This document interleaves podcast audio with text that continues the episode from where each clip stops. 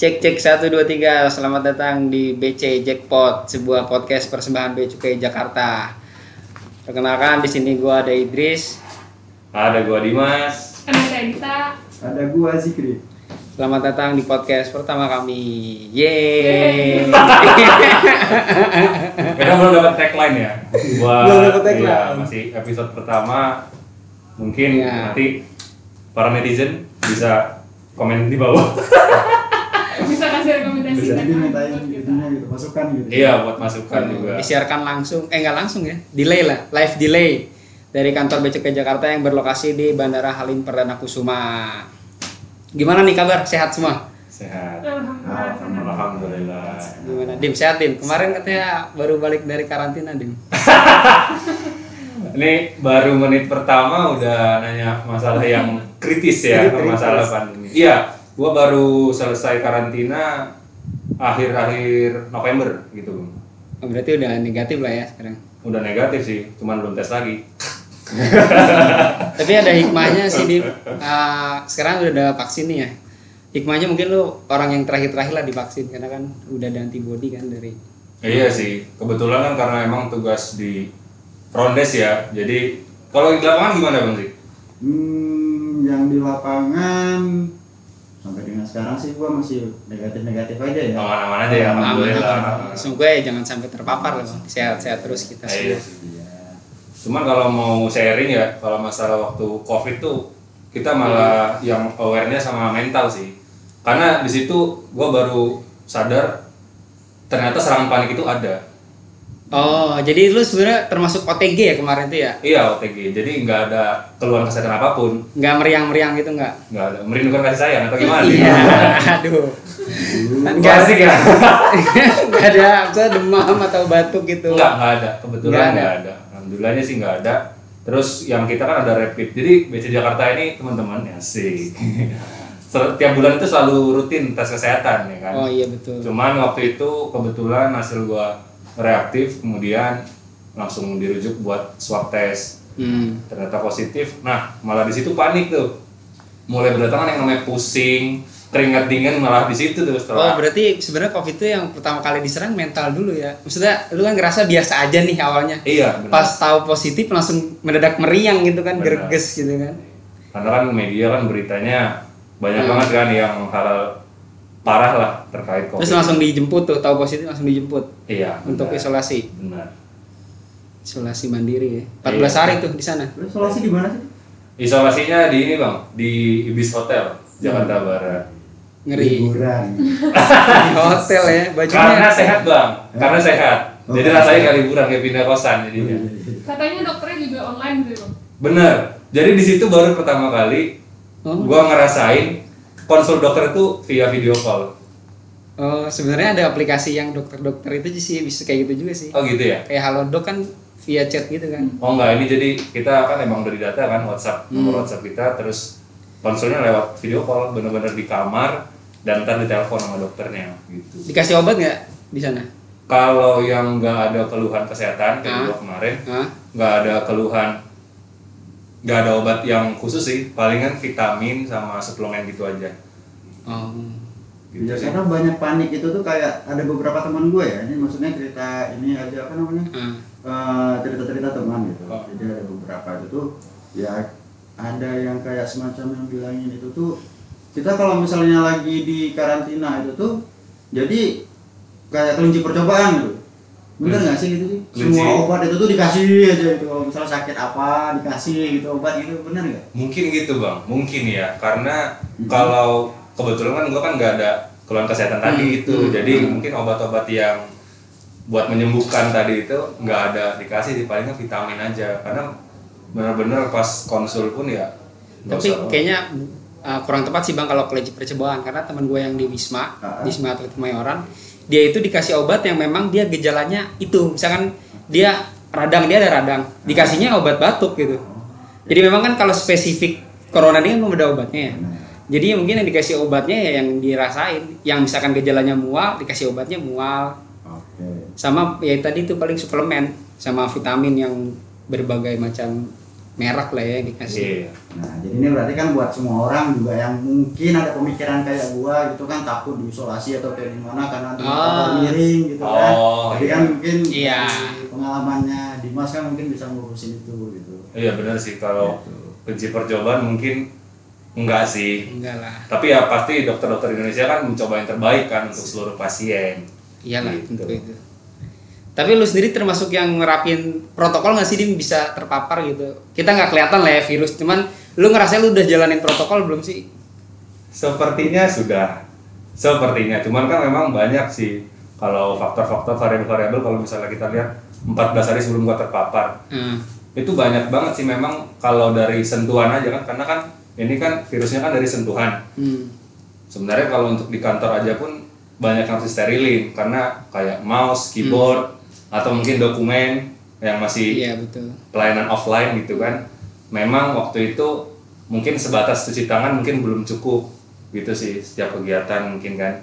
Jadi ya nggak tahu missnya di mana dan alhamdulillahnya kena jadinya. Jadi sebenarnya makanya 3M lu aja udah ngerasain 3M aja kayak kurang ya. Sebenarnya ada yang baru ada apa dit 5M ya? 5 M bang. Apa aja tuh? 2M nya tambahan apa tuh? Apa aja sih 5M itu kayaknya banyak banget nih. Jadi yang keempat itu menjauhi kerumunan Hmm. sama mengurangi mobilitas yang kelima. Jadi yang Oh. pertama kan eh, memakai masker, masker.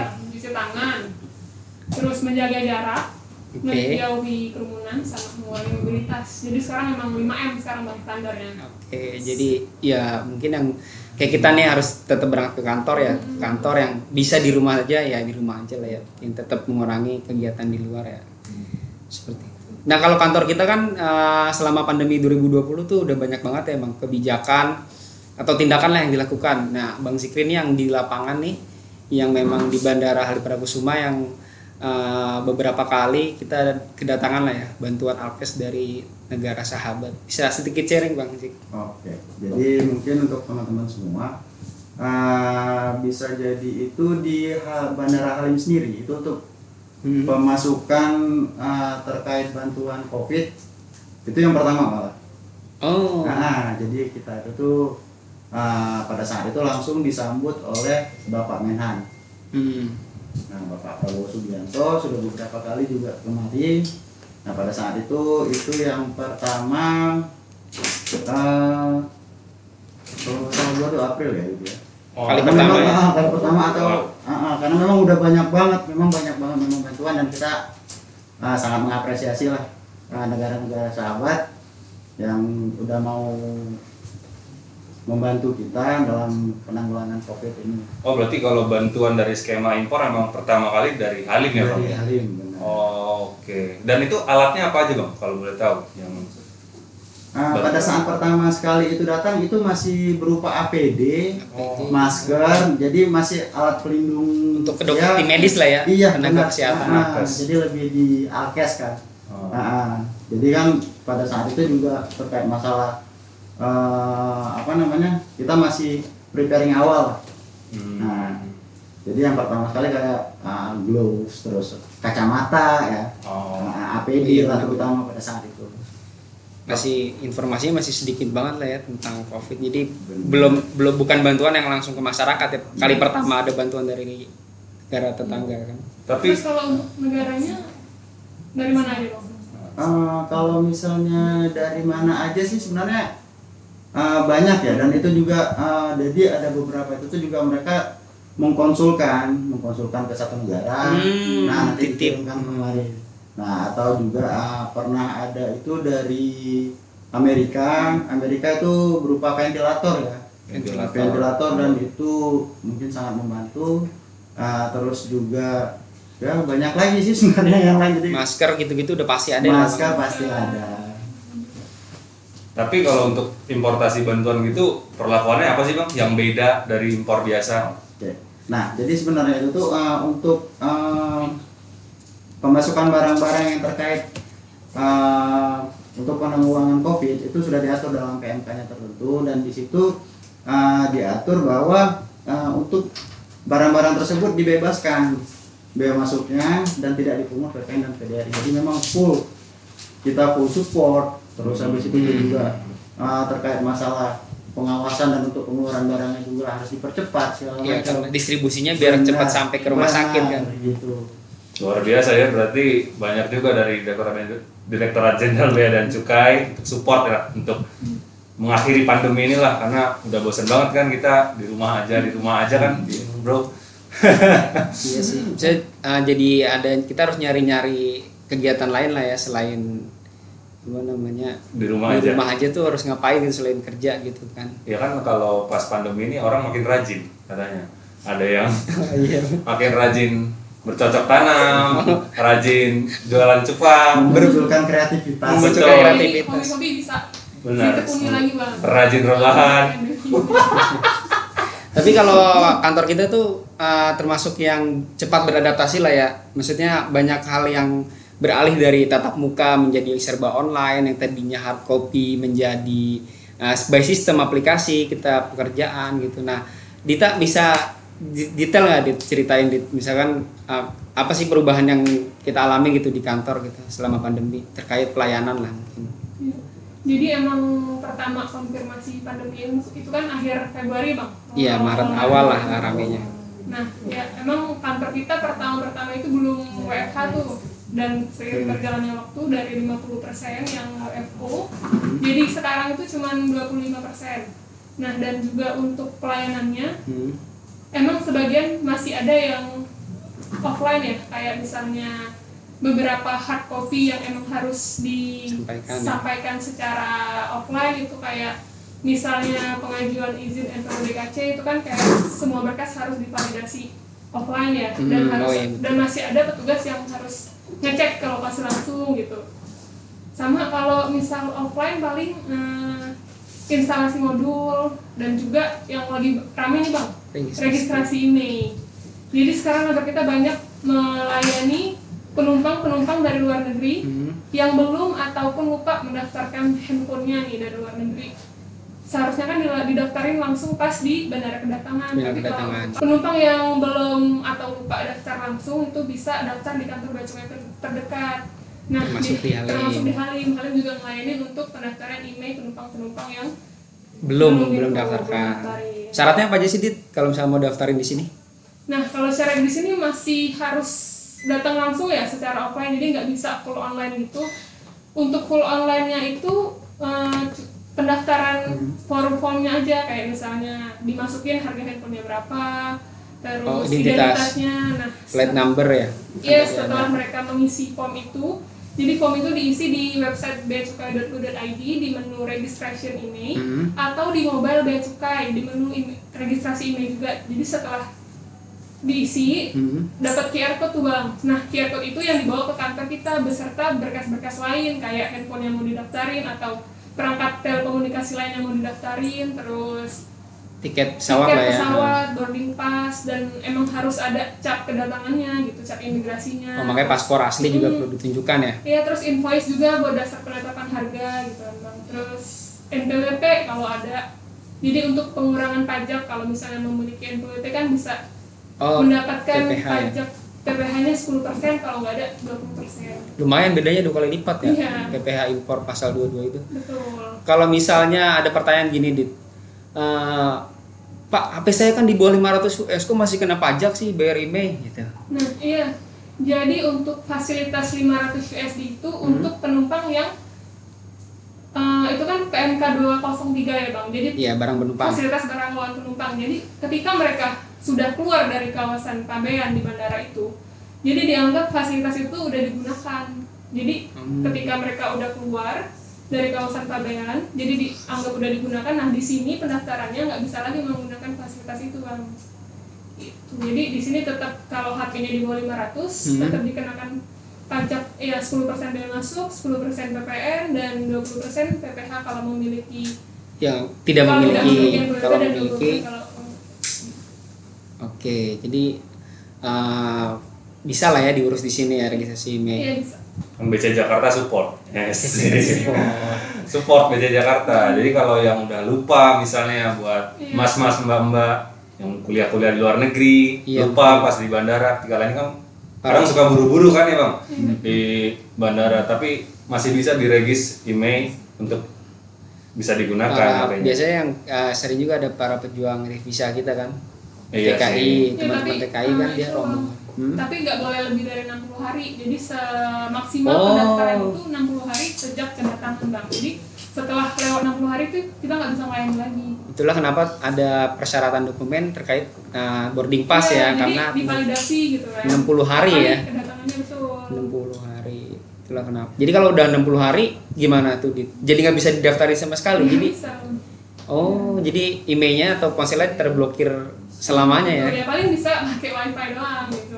Oh wifi only. Wifi only. tapi sekarang zaman di mana wifi di mana-mana ya bisa lah kalau tapi ya sebenarnya kalau misalnya kita bisa lah ya beli barang mahal handphone di luar negeri ya masa nggak bisa sih bayar pajaknya kan itu Iya, itu kan juga kontribusi buat negara kan seperti itu.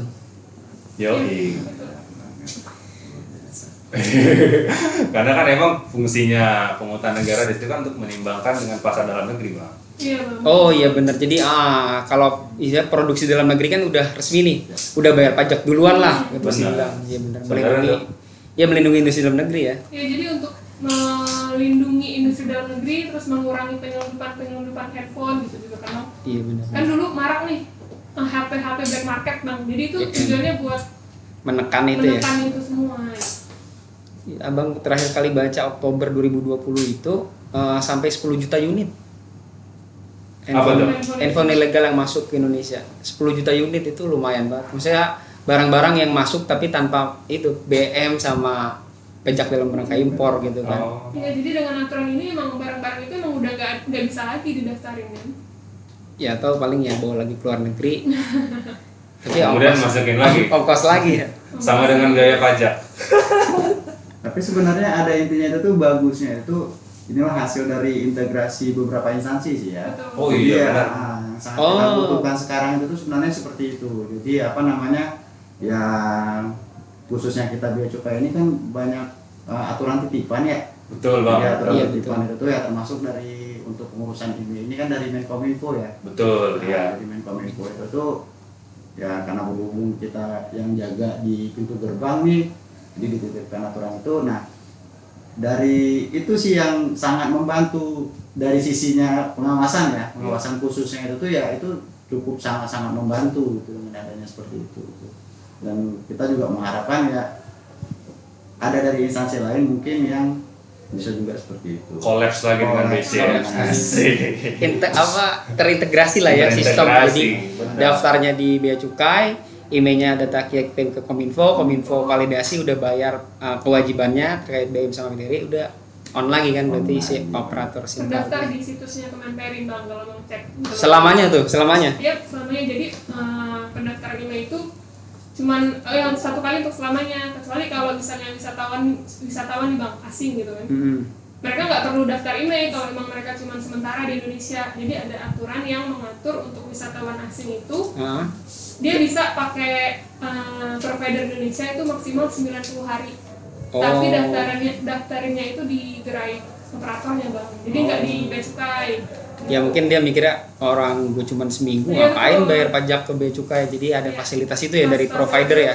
maksimal 90 hari 90 hari. tapi kalau mau lebih dari 60 hari ya harus ke harus bea cukai registrasi di bea cukai bayar pajak dan siap itu menjadi kontribusi buat penerimaan negara ya betul Eh, dan juga di tengah kondisi ekonomi yang belum stabil karena COVID-19, eh, kantor kita alhamdulillahnya tetap mencapai penerimaan negara mencapai 111,24 persen.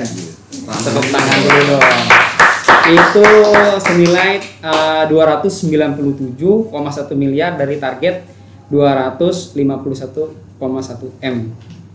Jadi ya ya di tengah ketidakstabilan ekonomi kantor kita tetap eh, mencapai target penerimaan.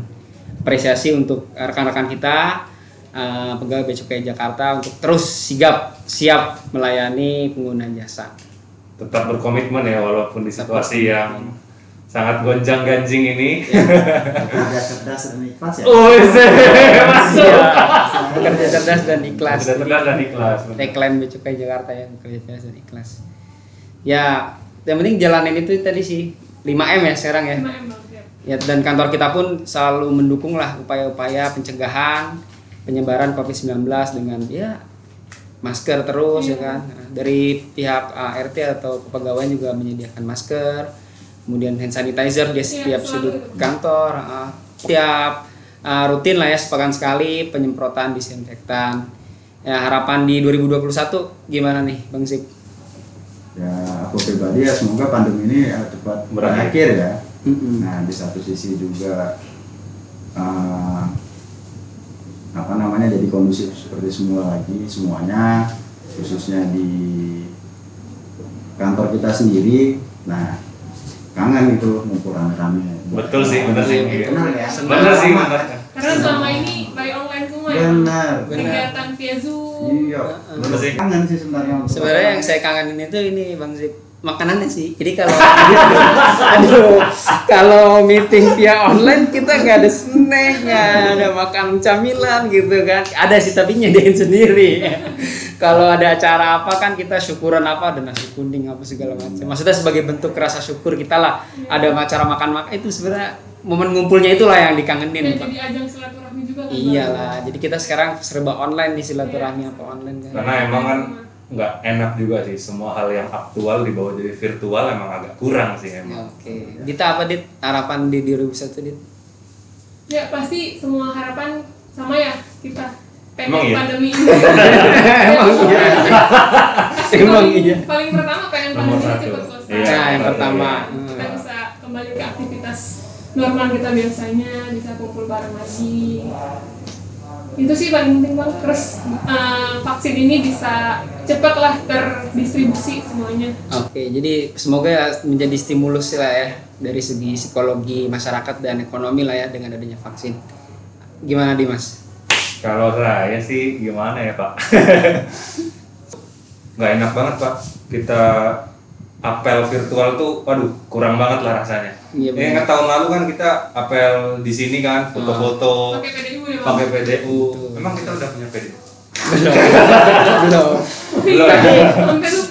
Tapi kalau lah ya ada plus minus sih. Kalau kurangnya mungkin kita agak capek ya berdiri itu kalau kelamaan. Iya itu, itu, Dalam- itu seninya bang, itu Oh seninya. iya benar. bener. Kita resah gitu ya berdiri Lihat pacara kelamaan gitu. Yang ya. datangnya pas-pasan kan lari-lari. Oh iya bener lupa Dari bipak. parkiran ke lupa Aduh, bipak. lupa bipak lagi Tapi ya. emang di situ di seninya. Iya. Memang kan hidup tuh kalau flat flat aja emang kurang sih. Iya. Iya nggak sih setuju nggak sih kalau Iya. gitu ya kan? Nggak ada warnanya gitu. Nah nggak ada warnanya bener.